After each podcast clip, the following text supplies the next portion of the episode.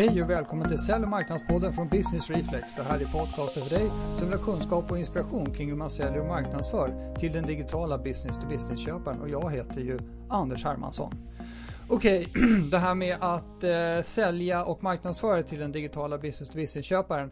Ibland så fladdrar vi ut lite grann från det, men vi håller oss fortfarande till ämnen som är väldigt relevanta när det gäller att få sitt företag att fungera. Eh, och idag har vi ett sånt här avsnitt. Otroligt intressant. Alltså jag är ju lite metod, metodnörd alltså. När jag dyker på en metod, då blir jag riktigt exalterad och, och vill verkligen dyka djupare in i det här. Och nu kom det förbi någonting här som heter OKR, som handlar om målstyrning. Eh, och eh, jag ska prata med en kille som vet riktigt mycket om det här. Han heter Patrik von Bergens eh, och eh, jobbar med just att införa såna här, den här ska man säga, målstyrningsmetoden på företag. Och sen är det så att vi har ytterligare en gäst i podden idag. Det är en röst från det förflutna, nämligen Andy Grove på Intel. Eh, det är en eh, en föreläsning han höll från 1978 som vi klipper in här i podden för att Andy ska förklara det här med OKRs som de alltså använde på Intel eh, när de startade 1971. Så metoden har en lång historia och har kanske utvecklats lite grann över tid här för att hänga med. Men eh, det är riktigt intressant, så häng med med intervjun med Patrik von Bergens och Andrew Grow. Hej Patrik von Bergens, hjärtligt välkommen till Sälj och marknadspodden. Tackar. Vad roligt att ha dig här. Eh, vi ska ju prata om målstyrning idag. Det tycker jag är jätteintressant. Eh, det är, det är säkert många som tycker det är naturligt att styra mot mål och sådär, men frågan är hur man gör det och hur man gör det till en del i vardagen så att det blir riktigt bra. Och yeah. sen har vi en liten annan speciell grej också. Vi har ju faktiskt en gäst i podden, förutom dig då, Andy Grow som är Intels grundare som kommer också att ge sin bild av det här med OKRs. Så det ska bli spännande också. Härligt att han, härligt att han kommer, att han stiger upp från de döda och berättar. Han, han, han eh, gjorde en rekt, extra ansträngning för att vara med just ja. i Sälj och marknadspodden. Ja, ja men det... han förstår vikten av, av content. Ja, men grymt. Men Patrik, innan vi sätter igång, kan inte du berätta lite grann om vem du är? Mm. Nej, men jag jobbar med eh, just att implementera eh, målstyrning och använder mig då av eh, metoden OKR och jobbar så att säga som självständig konsult med i huvudsak kan man säga med ledningsgrupper men även med olika funktioner eller avdelningar i organisationen. Man kan ju använda den här metoden både på en toppnivå eller på en del i en verksamhet eller i hela verksamheten. Så det är okay. väldigt flexibelt. Ja, det är bra. M många metoder kräver att man gör det uppifrån och hela igenom. Och det här kan man alltså tillämpa på delar också. Ja. Grymt. Eh, ja, som jag sa, så de flesta tycker kanske att det är självklart att styra mot mål. De flesta har mål. Man, eh, man fixar en snygg Excel-fil med lite mål i början av året och sen så lägger man den på G-kolon och glömmer bort den kanske. Eh, så. Eh, men kan inte du berätta lite grann om, om det här med området målstyrning och vad det är, liksom hur det har utvecklats över tiden? Det är kul att få lite, lite kontext här. Mm. Ja, och, och då, då tänker jag så här, eh, målstyrning i stort finns det bergs andra som kan mycket mer än vad jag kan. Men jag tänkte berätta lite grann om OKR, var OKR kommer ifrån, just den målstyrningsmetodiken. För jag tycker den, den historien är ganska spännande. Mm. Och den tar egentligen det, det hela började faktiskt med mycket av den forskning som skedde efter andra världskriget. Och eh, man hade gått igenom hela industrialismen, eh, 1800-talet, eh, början på 1900-talet, och så kommer andra världskriget och så börjar man liksom fundera på hur, hur människor agerar och fungerar. Och då var det en äh, legendarisk äh, management specialist som heter Peter Ducker som redan på 50-talet skrev en bok där han eh, kom på, eller eh, formulerade ett koncept som han kallade för Management by Objectives. Mm. Och det här är ju, framförallt om man har jobbat i amerikanska organisationer så känner man till det här begreppet management by objectives. Om, om jag ska extremt snabbt och slarvigt försöka förklara vad jag menar med det så, mm. så handlar det ju helt enkelt om att man leder genom att sätta tydliga mål.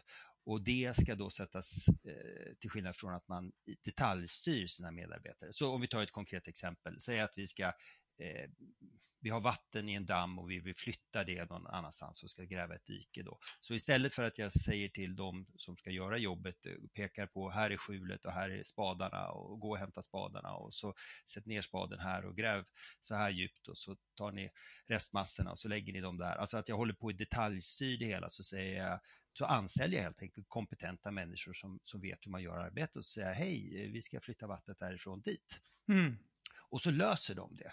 Och det är ju det som är liksom eh, management by objectives. Jag förklarar vad syftet är.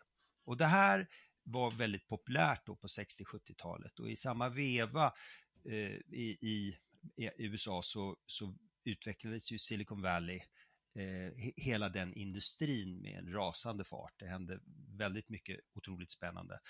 Och en av de bolagen som startades eh, var Intel och mm. en av, den första anställda på Intel var eh, eh, Andy Grove.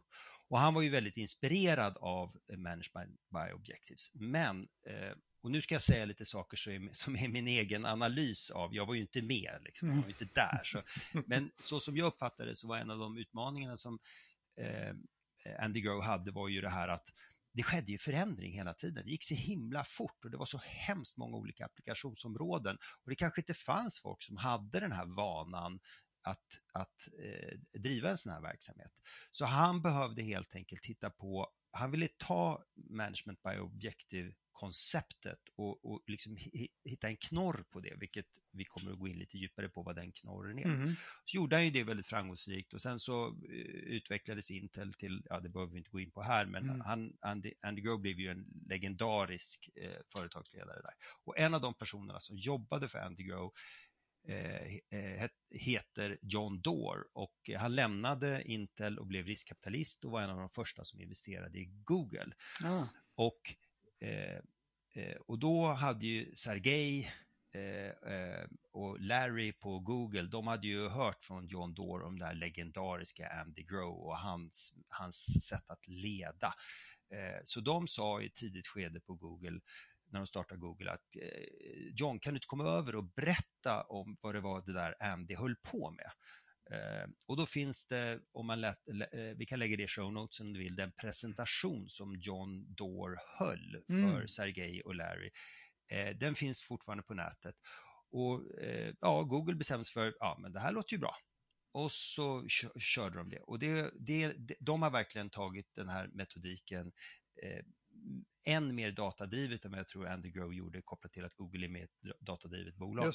Men de har verkligen tagit det till en, eh, en helt annan nivå. Oh. Och sen eh, vad John Doerr gjorde också, eh, nu vet jag inte exakt året, men jag tror att det var 2017 eller 2018, kanske tidigare, så skrev han en bok som heter Measure What Matters. Mm. Eh, och det har gjort att det här med OKR har blivit väldigt, väldigt mycket mer populärt. Okay. Så det är väl den korta historien av var OKR kommer ifrån. Så det är grundat liksom i eh, ganska fundamentala eh, principer för hur man leder som jag tror vi alla delar. Just det, och, och sprungna ur, ur, behovet av att folk anpassar sig till förändring. Att man inte kan, eller det blir väldigt ineffektivt att detaljstyra folk eftersom för, liksom, saker och ting förändras under gång så att säga. Precis. Och det känns ju ganska relevant i dagens läge. Det känns inte som att förändringstakten direkt har gått, gått ner.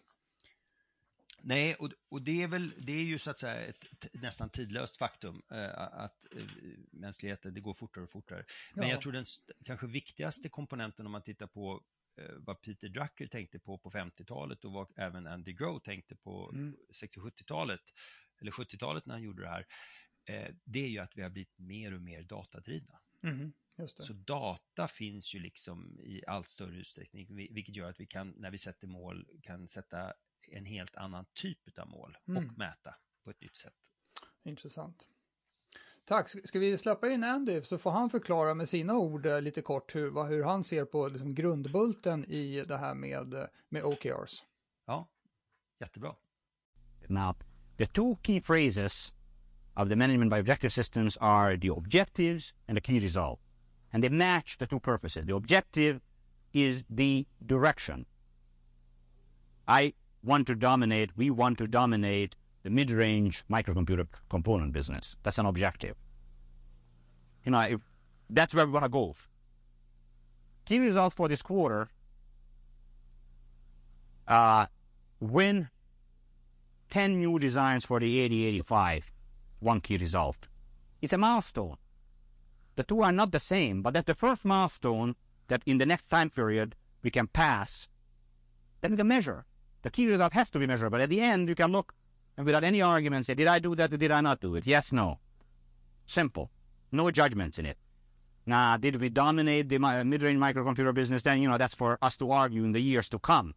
But over the next quarter, we'll know whether we want 10 new designs or not. So the objectives is that's where we want to go. The key results are milestones, and the milestones are only useful if you, if you can see whether you've passed or not passed. You don't maybe pass milestone. These are the two elements of, of our system, how we run it.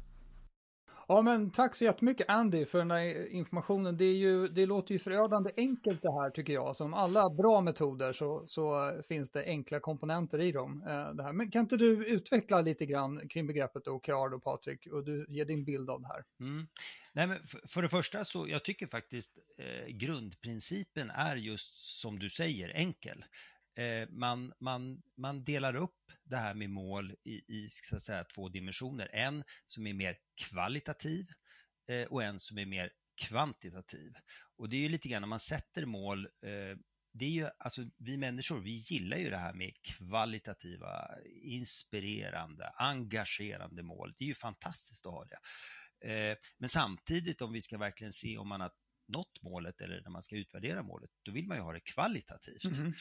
Så att eh, jag tycker det är en väldigt elegant kombination av eh, hur, hur, det, hur han sätter samman det här. Och det, det som gör det spännande eh, och jag tycker är kanske det bästa med själva metoden, det är att den är ju applicerbar på nästan vad som helst. Eh, och är man liksom lite så här nördig på det här, då kan man ju liksom sitta och nörda ner sig och skapa OKR på i princip vad som helst. Mm.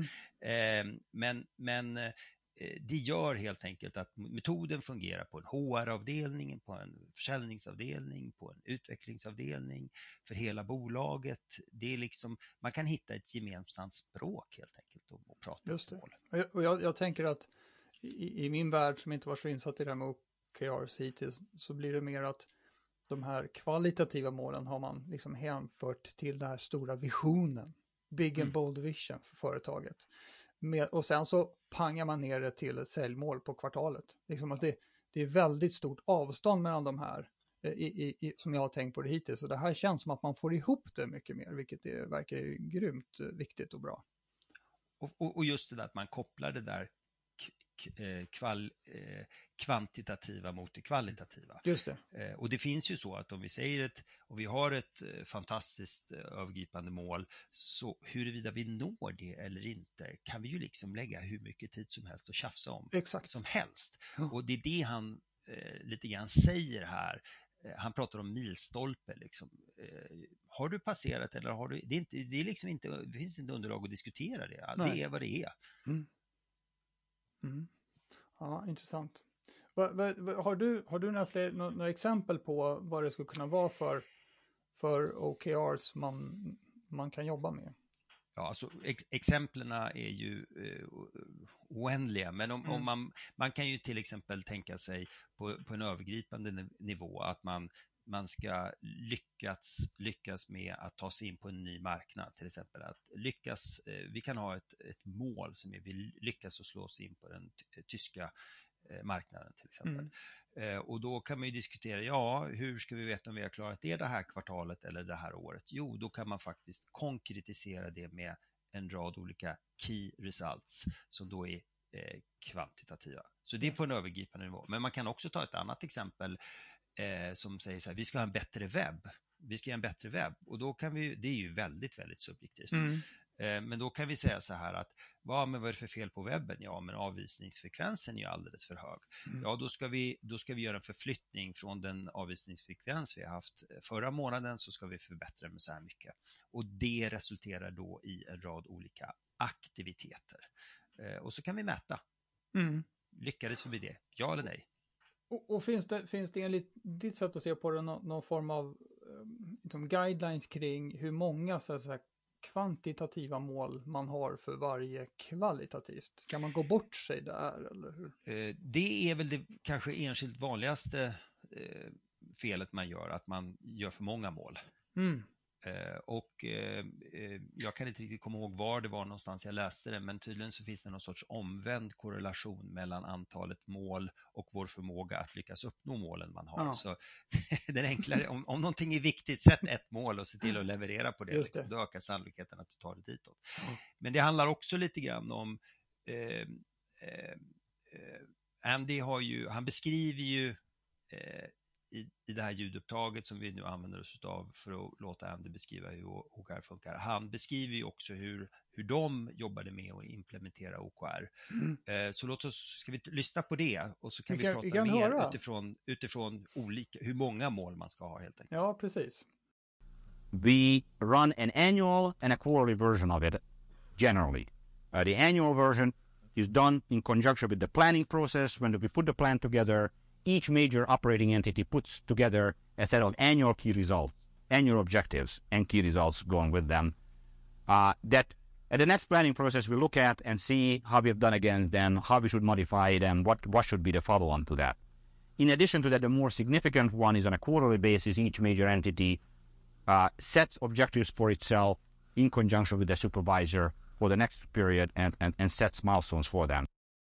Ja, men eh, tack. Eh, tack Andy, igen. Eh, vi, för dina insikter från 1971 tror jag det är. ja, jag, vet, jag tror att den är, jag vet inte riktigt när den här inspelningen är, men det är 70-tal i alla fall. Ja, exakt. Den finns på YouTube, jag kan länka till den i, i show notes. Väldigt eh, intressant ljudkvalitet och bildkvalitet kan jag säga. Uh, Okej, okay. om man tittar på det som han pratar om med, med årliga mål och sen kvartals, uh, kvartalsuppdateringar av de här. Du får berätta lite mer om, om uh, din syn på hur man implementerar OKR för att det ska funka i vardagen. För jag, mm. jag kan tänka mig att det är, alltså, det låter som sagt, det, det, det är en härlig kvalitet att det finns en enkel metod. Men jag kan tänka mig att det finns liksom många fallgropar på vägen här som, man, som man kan ramla ner i. Så du får gärna berätta mer om hur man kommer igång helt enkelt. Mm. Och, och då, det Andy beskriver här, det är att eh, och det är så att säga, man får väl säga att det är grundprincipen för i princip alla OKR-implementationer, i alla fall som jag har varit med om och, och när jag läst om det i litteratur och, och pratat med andra eh, personer som jobbar med det här. Det är att man jobbar med så att säga två parallella cykler. Den ena är en årscykel där man sätter de övergripande målen och så, eh, så sätter man key results och sen så bryter man ner då det i, i, i det här fallet som Andy beskriver så har han en kvartalscykel. Mm. Och du ställde en fråga eh, tidigare Anders som jag duckade lite grann på som handlar om att det gäller att inte ställa för många, eller jag svarade på att eh, det, ofta så sätter man för många mm. objektiv, för många key results. Men om man läser boken så säger man man får inte ha mer än fem eh, objectives och man får inte ha mer än fem key results per objectives. Mm. Och här vill jag hissa en jätteröd flagga. Fem objectives med totalt 25 key results. Det är mm. på tok för mycket. Det låter väldigt mycket. Ja. Det är väldigt mycket. Så jag tror, jag, min rekommendation, eh, en verksamhet övergripande två, tre objectives och, och, och ha riktigt bra kvalitativa key results. Eh, kan det vara en eller två, kanske tre, men inte mm. mer.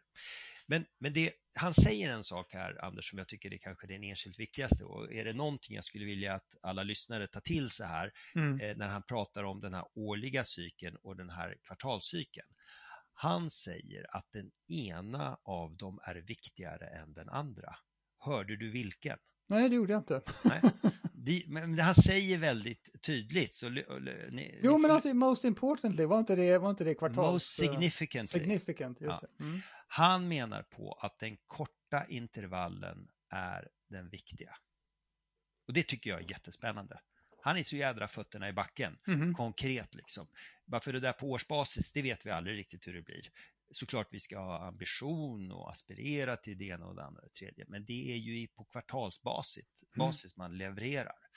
Så, eh, och då kan man säga så här, så grundregeln är årsbasis och sen eh, kvartalsbasis och då kan man göra det på övergripande för bolaget och man kan göra det på avdelningsnivå och så kan man bryta ner det lite grann eh, beroende på hur man vill. Mm. Och det jag har sett när det gäller de här, man, om, man, om man tittar på det som motsvarar kvartalsbasis, eh, där har jag sett att det är många bolag som börjar mer och mer jobba på, i tertial istället Mm. för kvartal. Och det är vä- väldigt intressant, speciellt i Sverige med semestrarna. Eh, det är alltid ett elände att hantera de här kvartalsavstämningarna mitt i semestern. Eh, och sen pratar man lite grann om the quarterly crunch, när allt annat ska göras i kvartalet. Så det är liksom lite skönt att inte att ha den här målsättningsprocessen ligga utanför det helt enkelt. Mhm. Okej. Intressant. Vad, vad heter det eh, om... Eh, om, alltså, blir, är det som, det måste vara då som en hierarki på något sätt. Eh, det, det är väl inte så att om man har ett årligt objektiv och typ, sen har man årliga key results. Det är inte så att de här key resulten på årlig nivå så att säga här, härleder till quarterly objectives. Det är inte så man ska se det utan I, I princip så eh, är det faktiskt lite otydligt här Mm. i, i hur metodiken, eh, det finns folk som eh, tolkar det här på lite olika sätt. Men Mm. grundregeln är så här, eh, man har de övergripande objectives och sen när man formulerar på en avdelning, till exempel eh, kvartals eller tertialobjectives, då ska man ha väldigt klart för sig vad det objektiv vi formulerar, vilket objekt, övergripande objektiv det stö, stödjer. Jaha, okej. Ja. Eh, Men sen när det gäller key results så kan det ju finnas ett övergripande key result som man väljer att helt enkelt ärva ner precis som det ser ut eh, ner i, i så att säga, kvartalsprocessen. Man kanske bryter ner det. Och flera olika avdelningar kanske samarbetar tvärfunktionellt för att nå ett visst, visst mätbart resultat. Ah, intressant. Så det finns liksom en, det, det är inte en helt självklar logik i hur.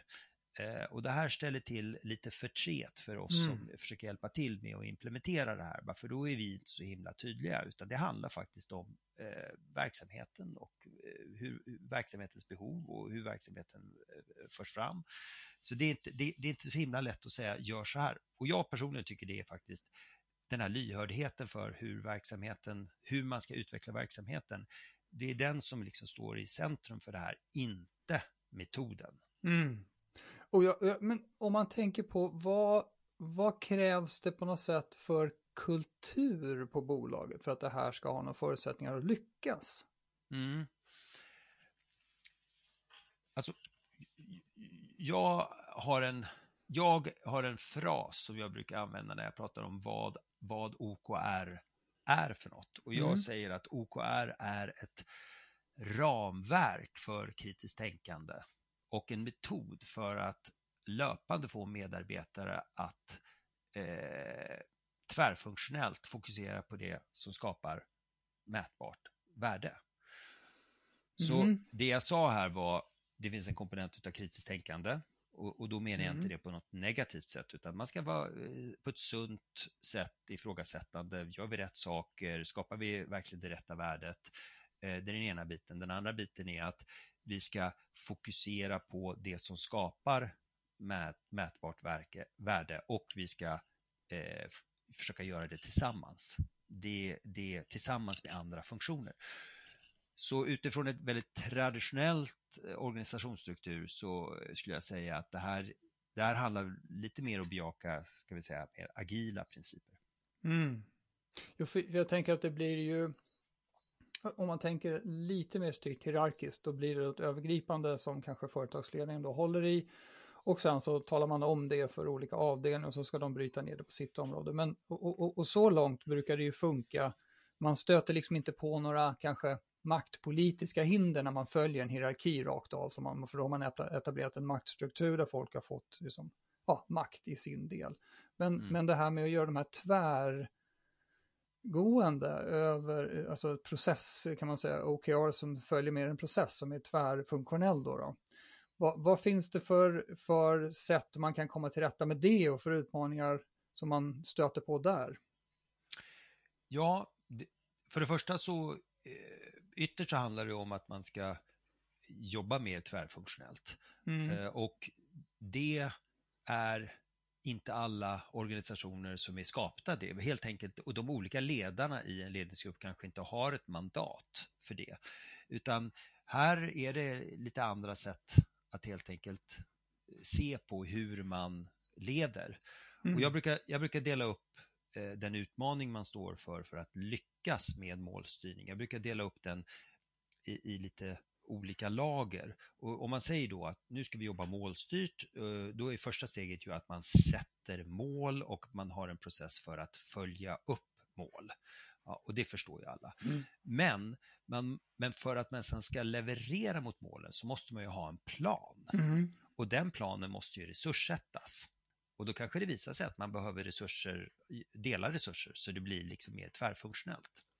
Och när man har den här planen som man då resurssätter så måste man, eh, får man då, så måste man då löpande prioritera. Vad ska vi göra nu, vad ska vi göra sen? Mm. Och när man gjort den här prioriteringen så är det inte helt osannolikt att man måste omprioritera, bara för det händer någonting. Just det. Så helt plötsligt, så vad jag säger är, det är att en fungerande målstyrning eh, handlar inte bara om att sätta mål och följa upp mål. Det handlar också om att planera och planera tvärfunktionellt.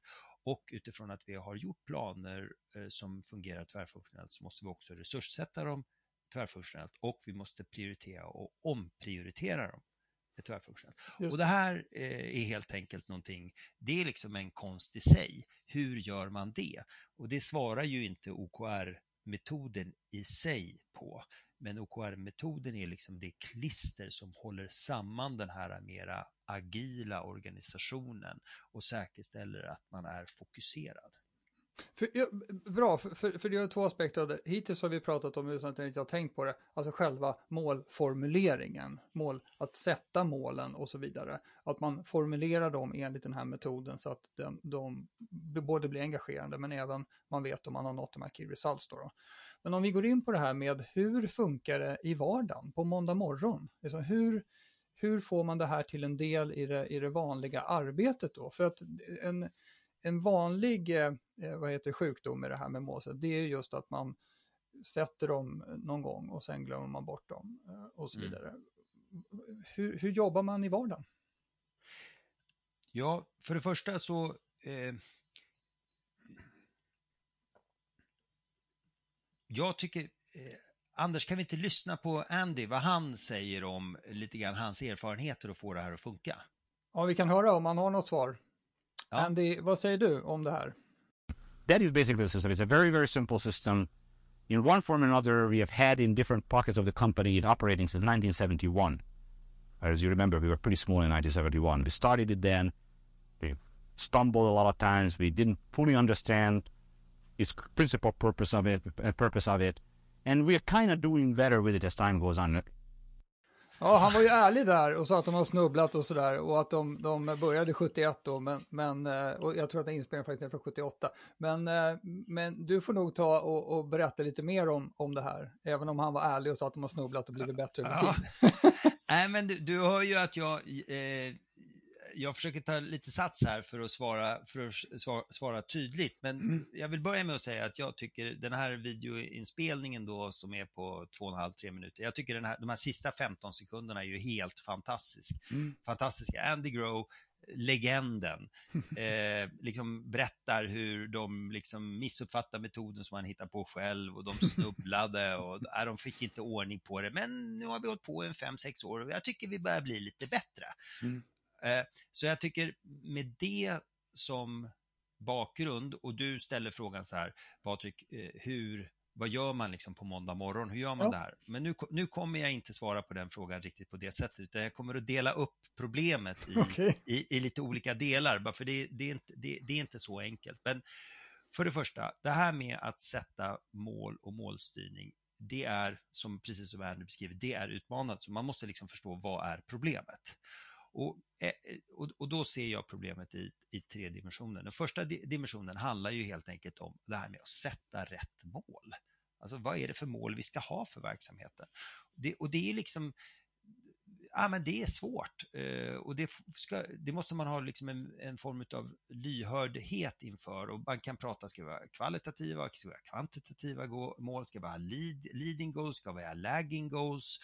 Eh, eh, det, även om vi når målen, gjorde vi rätt saker, arbetade vi effekt, effektivt? Och Mm. grundproblemet är att de flesta verksamheter har helt enkelt inte en vana att sätta mål, bara för man sätter mål en gång per år. Mm. Och det kan vara kopplat till en budgetprocess där man ska motivera man ska ha pengar. Och det finns, eh, det finns folk som argumenterar, eller jag vågar till och med gå så långt och påstå att det är så att människor kommer liksom inte ihåg vad man har satt för mål. De, berör efter ett par månader så tappar man det helt enkelt. Just det. Och sen när det kommer ett nytt år och då är det, ah, det är det där förbaskade, nu ska vi ha årsbudgeten igen, måste ha en årsplan för nästa år. Så det är sällan man kommer fram till maj, april, maj, juni där någon gång. Då har man tappat liksom, då har den här planen tappat relevans. Mm. Så det är därför Andy Grove föreslår att man bryter ner det här i kvartalsprocess istället. Och ytterst så handlar det om, genom att göra det till en kvart, kvartalsprocess så accelererar vi ju lärandet.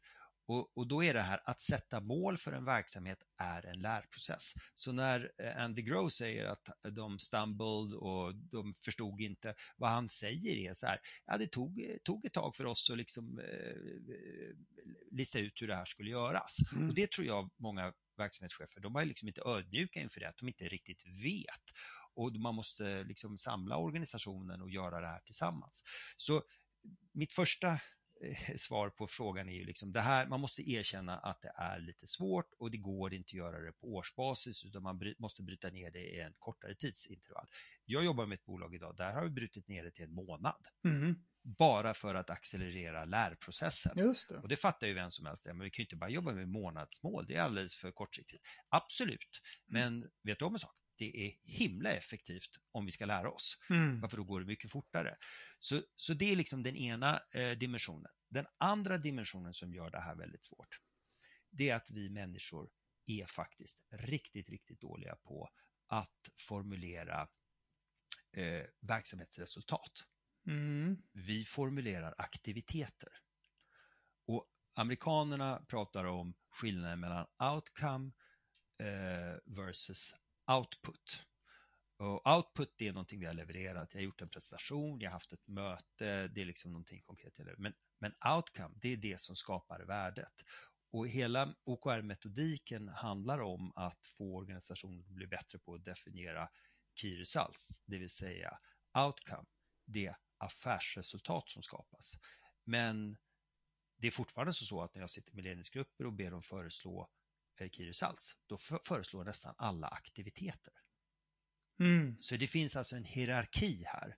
Eh, och den hierarkin är inte naturlig. Och hierarkin är överst har vi objectives. Ja. Eh, vi, för om vi ska anse oss ha nått de objektiv, objektiven så har vi key results. Och för att leverera key results så gör vi aktiviteter. Och tanken är, vi börjar inte med att formulera aktiviteter. Vi börjar med att formulera objectives och sen eh, key results och sen styr det vad vi ska göra. Mm. Och då kanske vi behöver då helt enkelt resurser från olika delar av verksamheten.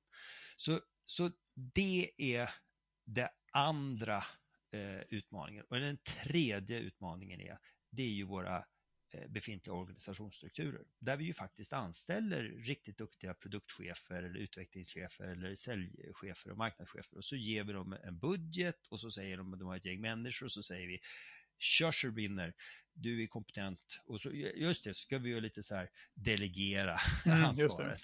Eh, men eh, verkligheten är att de här olika funktionerna är helt och hållet beroende av varandra. De Mm. måste lära sig eh, tillsammans. Och då Mm. kommer vi tillbaka till det här jag pratade tidigare om att det handlar inte bara om att sätta mål och följa upp mål utan du måste även veta hur du ska planera, hur du ska resursstyra, hur du ska prioritera och omprioritera.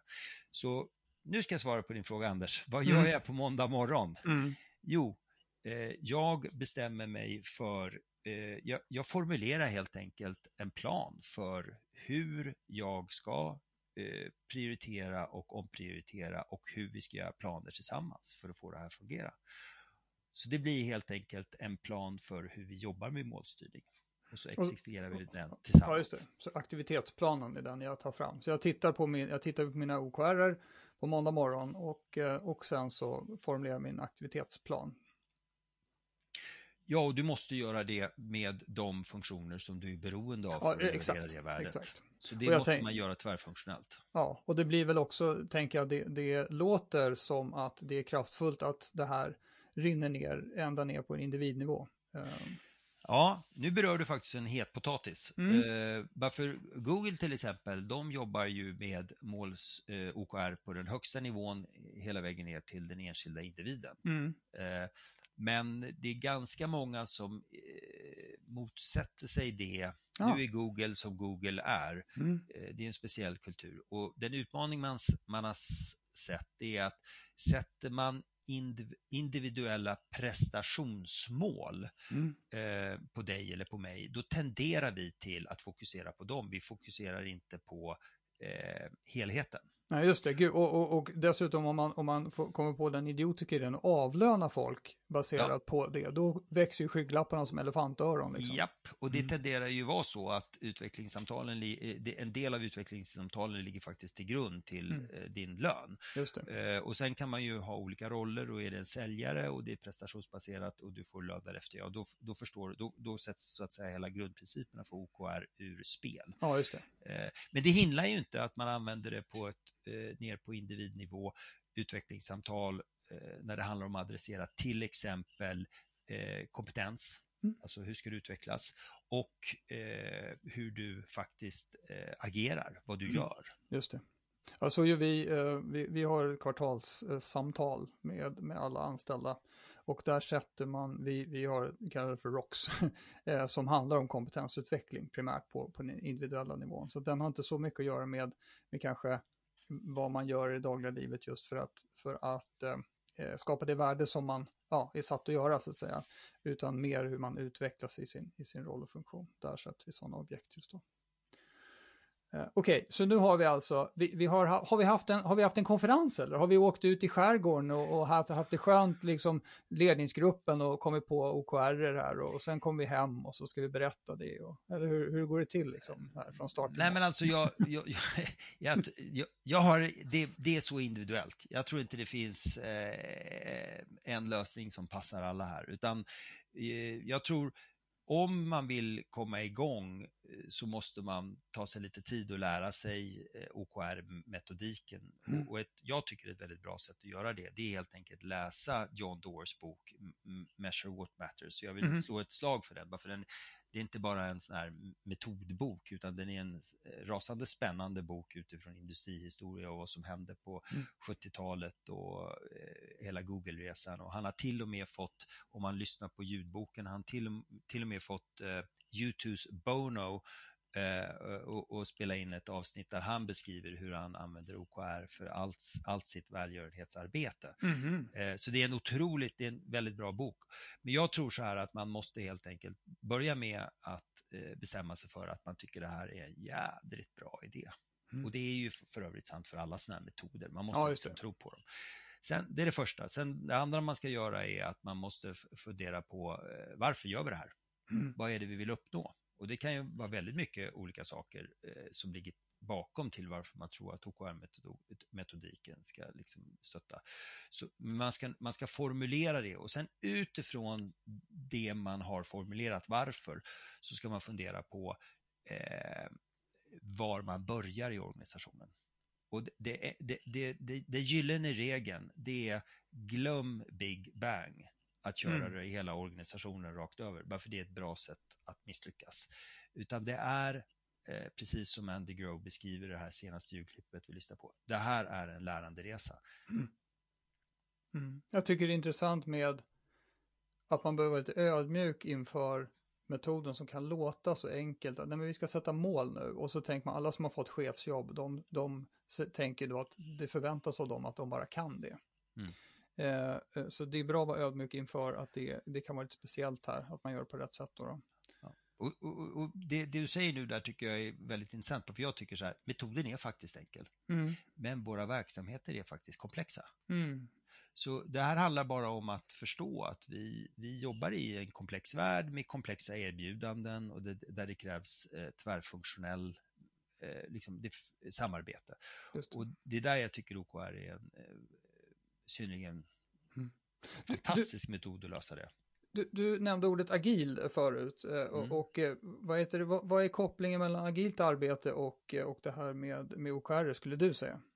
Den stora kopplingen, det är den här hierarkin jag pratade tidigare om, objektiv key results och så gör man aktiviteter. Och det är ju så att när man inte når nyckelresultaten, key results, de här affärsresultaten man vill skapa, då måste mm. man ju göra något annat. Mm. Och då kan man ju liksom, och det är ju det som är det agila.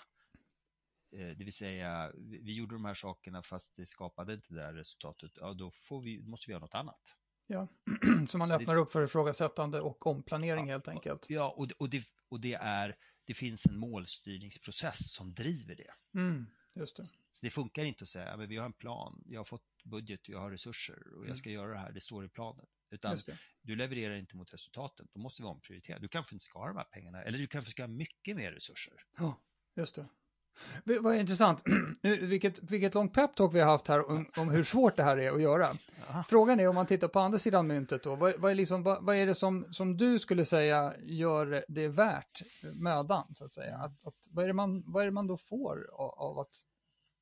Nej, men jag, nej, jag får ju den frågan ibland. Eh, och då, jag tycker John Doerr i sin bok Measure What Matters, han pratar om att verksamheter får fyra stycken superkrafter fyra superkrafter. Mm. Och de fyra superkrafterna handlar, handlar helt enkelt om att eh, man har en metod för att säkerställa att man kan fokusera verksamheten. Och det vet ju alla liksom att det är, det är ju galet svårt. Ja. Eh, så det är det första. Det andra, den andra superkraften han pratar om, det är det här att jobba tillsammans, att jobba tvärfunktionellt mot gemensamma mål. Så man skapar helt enkelt förutsättningar för det. Varför vi jobbar ju tillsammans för att nå målen. Ja. Eh, och det tredje han pratar om, det är eh, att medarbetarna blir mer engagerade och ansvarstagande. Och det vet ju alla liksom att det är, det, det är ju ändå det som är lite det, det, det ytterst man vill skapa medarbetare som är engagerade och ansvarstagande Verkligen. och motiverade. För då, då får man saker och ting att hända. Och sen den sista aspekten som faktiskt hänger samman med det du beskrev Anders när du pratar om eh, era utvecklingssamtal. Han menar även på att OKR är en riktigt bra metod för att eh, få den enskilda medarbetaren och hela verksamheten att få en ökad ambitionsnivå. Så vi blir mm. helt enkelt som organisation mer ambitiösa. Jag tycker det låter som bra grejer. Nej, men det är liksom lite svårt att tacka nej till det. Ja. Eh, och, då, och men med, med, det sagt, om du skulle prata med en vd för ett mellanstort bolag och, och sagt att eh, har du, eh, hur, hur svårt är det att lyckas med de här fyra sakerna? Ja. Så skulle ju då, ja, men det är, det är liksom lite knepigt. Ja. Och det är därför jag gillar den här biten där Andy liksom, han säger ju som det är. Mm. Eh, men här finns det en metod som man löpande kan faktiskt jobba med för att adressera hur verksamheten kan utvecklas i de här fyra dimensionerna. Just det. Jag tycker själv att eh, det, det känns som att man från tid till annan uppnår de här grejerna. Men det är så känsligt, det kan minsta lilla störning så ramlar saker och ting ihop. Och det måste jag, min egen analys är att det finns liksom ingenting som håller håller i allt det här, det där klistret du pratar mm. om. Saknar man liksom det, då blir ju bygget lite instabilt, som man säger. Ja, och, och, och det här är ju, eh, det är ju, det är inte, det är inte så enkelt, det kan ju låta enkelt när vi pratar om det eh, mm. så, men det, då är vi tillbaka till Andys eh, slutkläm där, att det, det, här, det här är ju det, det är ju därför det både är spännande och kul att driva verksamhet och jobba med verksamheter. Mm. Men det är också, det är, det är utmanande helt enkelt. Ja, exakt. Och det, det, jag tror att det är många som lever för det. Vi tycker att det är kul när det är utmanande. Du Patrik, om man nu tänker så, vi, som vanligt brukar vi i poddarna då försöka knyta upp säcken på slutet. För att det kanske mm. börjar bli dags att göra det. Eh, och då tänker jag så här, om, om man nu har fått den här informationen till sig och du har gett lite tips på vägen, du får gärna repetera något av det. Men vad, vad skulle du säga om jag nu som, som vd för ett eh, litet medelstort bolag här, som blir lite inspirerad av det här, vad är, vad är det första aktiviteten man borde ta sig för? För att komma komma igång på något sätt. Jag skulle nog eh, rekommendera dig att läsa John Doors bok, ja. Measure What Matters. Ja. Därför att precis som alla metoder och sånt så handlar det om att man måste sätta sig in i dem och förstå dem och så måste man tro på dem. Mm. Eh, och, och, och det, det, är ingenting, det är ingenting man river ihop på en eftermiddag utan eh, så jag tycker att det första är att man eh, läser boken och så känner man att, äh, om man då känner liksom att det klickar till i, i linje med, hmm, varför har jag inte gjort så här Mhm. eh, tidigare?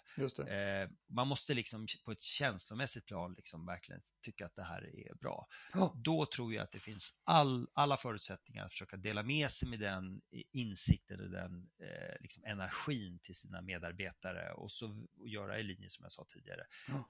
Formulera varför, vad är det vi vill åstadkomma och sen utifrån det helt enkelt välja ut en mindre del av verksamheten och sen komma igång. Just det. Ja men grymt. Patrik, om man, om man vill prata mer om det här med dig, hur får man tag på dig då? Patrik vonbergen.se Grymt, jag kan lägga med det i show notes också som Ja. folk, som folk glömmer ligger bort. på det. LinkedIn också. Ja just det, det finns på LinkedIn. Ja. Som vi alla gör. Ja. Ja. men grymt Patrik, tack snälla för det här, för det här informationen. Jag, jag tycker det är inspirerande. Det blir att jag, jag måste hålla mig lite grann så jag inte hoppar rakt in i det här nu och börjar. Nej, men det, det, det är ju många bottnar och, det, och när, vi, när vi pratar om det här så är det ju inte bara mål och målstyrning. Det handlar Mm. ju om att leverera på mål och målstyrning Mm. också. Och, och det, det, det är en separat, eller en flera historia. separata poddar vi får köra. Det, det, är precis. ett annat kapitel. ja men grymt Patrik, tack så jättemycket för att du var med i Sälj och marknadspodden. Ja, det var jättekul. Tack Anders. Bra, hej då! Hej!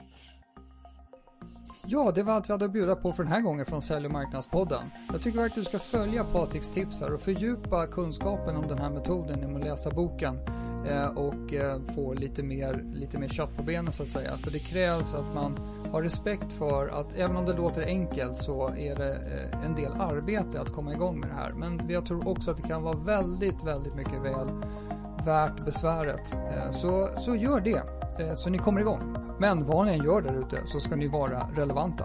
Hej då!